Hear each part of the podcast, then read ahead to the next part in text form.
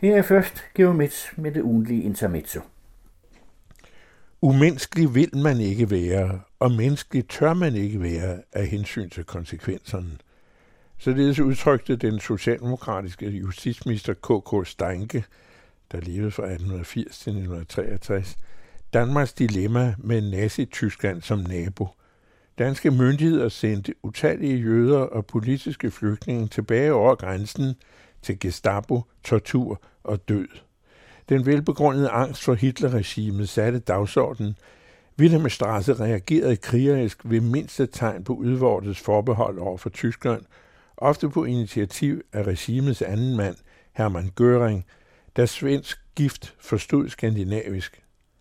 Den danske regering kendte fra gesandskabet og tidligere forsvarsminister Scavenius alt til tyskernes farlighed, af hensyn til konsekvenserne – hvor tageligt det end tager sig ud i eftertiden, blev tyske flygtninge konsekvent afvist.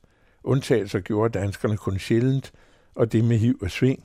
Menneskeligt turde den danske regering ikke være. En lille håndfuld danske børn sidder stadig med deres mødre i den mellemøstlige elendighed uden udsigt til regering og folketing, at de vil røre en finger. Børnene har ingen skyld i deres forældres valg.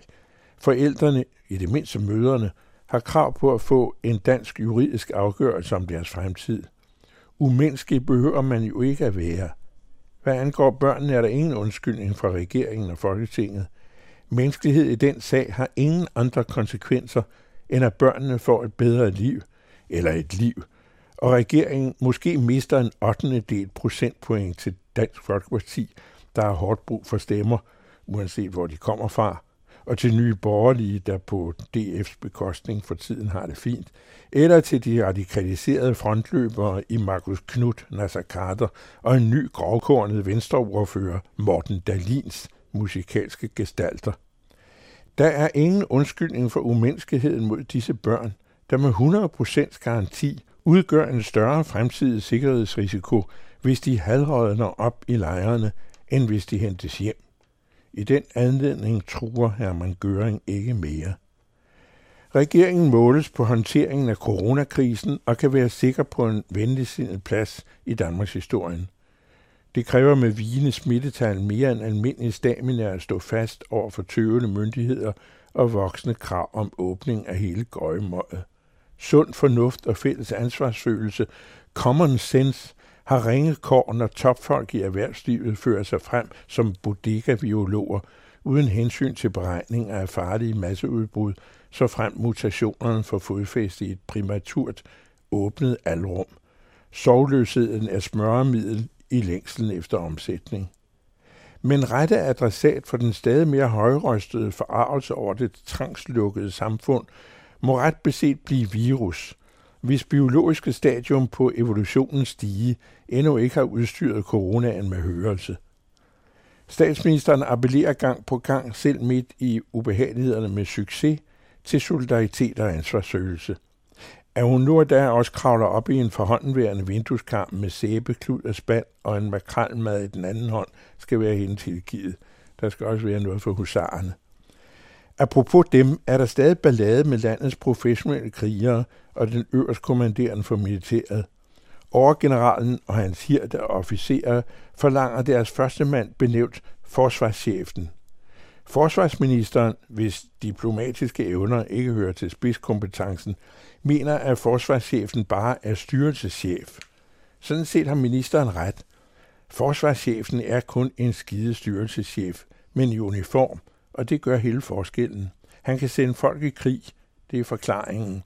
Striden synes efter ministerens bøvede optræden i pressen at være gået i hårdknude. For nu er beredet vejen til fred. Hvorfor ikke kalde forsvarschefen, der altså også er styrelseschef, for forsvarsstyrelseschefen? Ministeriet kan adoptere ideen. Ophavsmanden forventer kun agtelse og om muligt et gradstegn i farvelagt blik. Påfaldende i øvrigt er ministerens forgænger i embedet, Jort Frederiksen, Venstre, ikke drages til ansvar for sit snorksovende bidrag til bekæmpelse af den slendrian, der har præget det danske militær i hans egen tid, men tværtimod bebrejder efterfølgeren, at hun håndfast forsøger at rydde op efter ham. Mærkeligt. Mette Frederiksens regering bliver til lige mål på rets-, kultur- og udlændingepolitikken, og her bliver dommen hård. Retspolitikken, før ved den nuværende forsvarsminister, nu med en drakonisk efterfølger, er fortabt for moderne human retspleje og retssikkerhedshensyn. I kulturpolitikken mangler kulturministerens mediepolitiske udspil fortsat. Ministeren forklarer det med coronaen. Men nu har alle jo tid til at tage debatten.